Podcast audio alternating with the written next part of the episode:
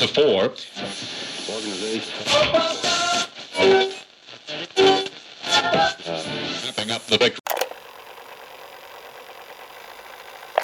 Во овој подкаст зборуваме за дискриминацијата кон луѓето со попреченост. Иако, кога ќе се спомне дискриминација, некако една од првите форми кои што ни паѓаат на памет е дискриминацијата кон луѓето што живеат со одредена попреченост, сепак, многу малку слушаме за нивните секојдневни приказни на дискриминација. Токму затоа се радуваме што имаме сограѓанки и сограѓани кои што се спремни да раскажат што им се случува и да ни помогнат да ги воочиме системските пречки со кои што лицата со попреченост во оваа држава секојдневно се соочуваат.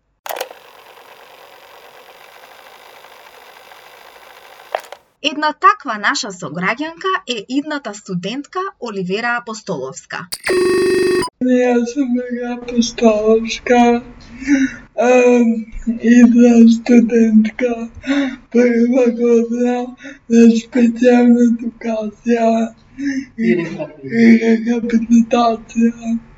Покрај Оливера, во овој подкаст ја имаме и нејзината мајка Наѓа Апостоловска. Јас сум Наđенка Туторов Апостоловска, мајката на Вера Апостоловска, напатен родител. Иако Оливера и нејзината мајка Наѓа велат дека тие секојдневно се соочуваат со индиректна и системска дискриминација, настанот што им се случи зимава на вистина ги шокирал. Во продолжение, следи раскажување на приказната за еден зимски ден годинава, кога Оливера по училишните часови требала да оди на настан на кој ќе говорела токму за инклузијата на лицата со попреченост. Бидејќи за време на часовите Оливера може да прави забелешки само на компјутер, таа секојдневно го носи својот лаптоп на училиште. Бидејќи лаптопот заедно со книгите тежи премногу, таа има специјален ранец на тркалца кој помалку наликува и на мини куферче. Е, токму околу овој ранец се врти целата приказна или, подобро кажано, токму околу незнаењето и небрежноста на еден шофер од градскиот автобус. Ние директно од школа немавме време да одиме дома да го оставиме школскиот ранец, туку моравме директно од гимназија право на тој настан да одиме. Апсолутно два кила тежак, а мога да го носам стварно потега, без него не можам да пишам, од не пишам граđа, ако ме напишам граđа, не да ме ga спијета и само да ги таа потега поносам тако гранаc.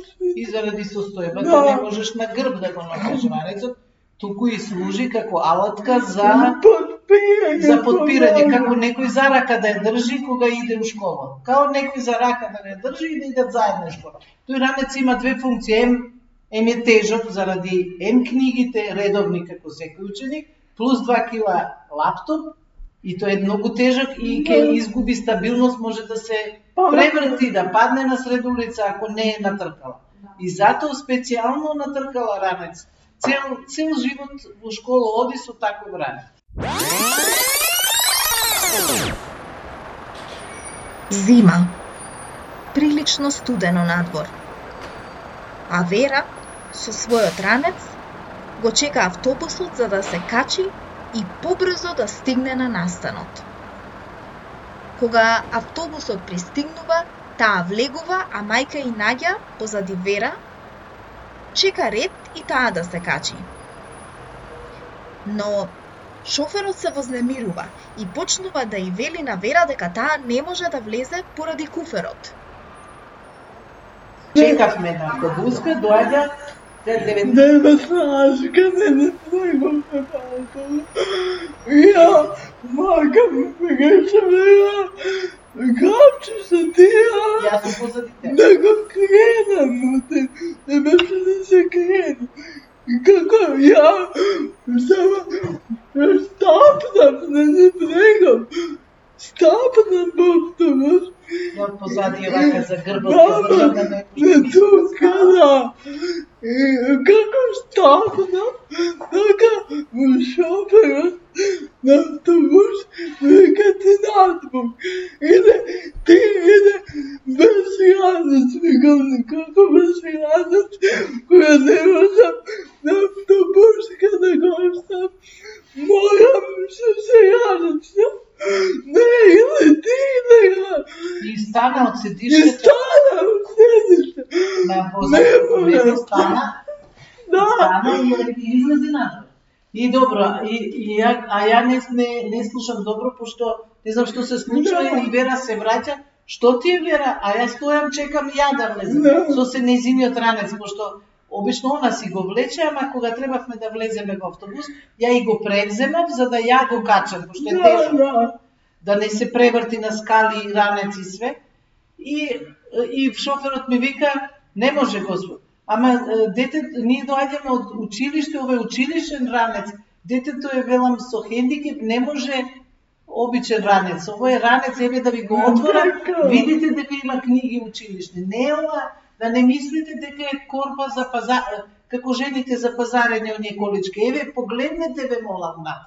Не, излезете надвор, неке ше муабе да прави, и ми ја затвори вака шлап, вратата пред врата и ја лака, нели како е централно нели се затвора, цак, ми ја затвори вратата и ние останавме подзинати двете на ушок, не, не знаех да реагирам. Дури ме праша како не ти, биде која регистарски таблици, какви таблици пусто. Ова ја у шок стојам овака и не знам сега што да мислам прво, дури се мало стабилизира. И Вера и неизината мајка Наѓа велат дека имаат изгубено верба во институциите, па затоа случајот не го ни пријавиле во МВР. Но, бидејќи биле премногу изреволтирани, одлучиле да споделат на Фейсбук.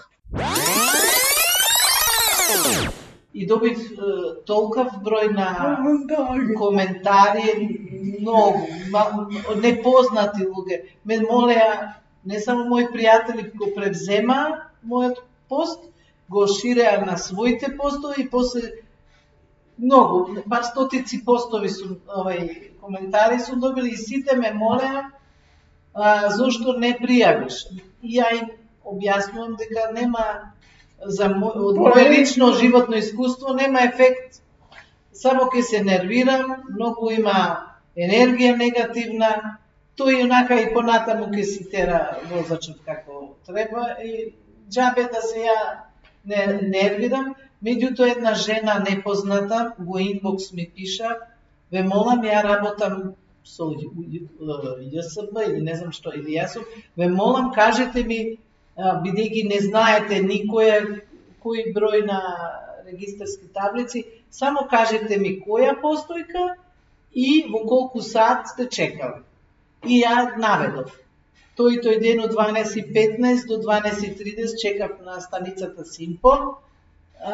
Бројот на автобус беше 19 Жената после сама ги бркаше работите очигледно и само ме извести, а, најдов кој е шоферот, ве мола, еве ви го линкот, еве ви имейл адреса, еве ви сите генерали, ве молам да срочите еден емейл на ова и ова адреса, после јас ќе изгледа е вработена таму во таа институција, јас ќе ги бркам работите, бидејќи вие не идете. И ја срочив еден убав мейл со опис на целиот настан, и тој мейл го испратив на тој линк, како што ми рече непозната жена, и ден денес не знам која. И а, после известно време, жената ме извести на инбокс дека лицето е санкционирано. Овде завршува подкастот посветен на анализирање конкретен случај на дискриминација кон лицата со попреченост.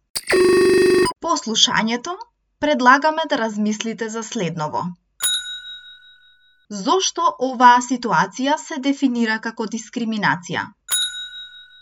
Дали вие некогаш сте биле жртва или сведок на ваква или слична дискриминација? Што треба да направи македонското општество за да ја отстрани дискриминацијата кон лицата со попреченост? За остварувањето на овој подкаст им благодариме на младата Оливера Апостоловска и на нејзината мајка Наѓа Апостоловска. Овој аудиоматеријал е во собственост на Сдружение за едукативен развој Еквалис и истиот може да биде користен од страна на други организации, индивидуи или институции со предходно одобрение од Еквалис. The four organization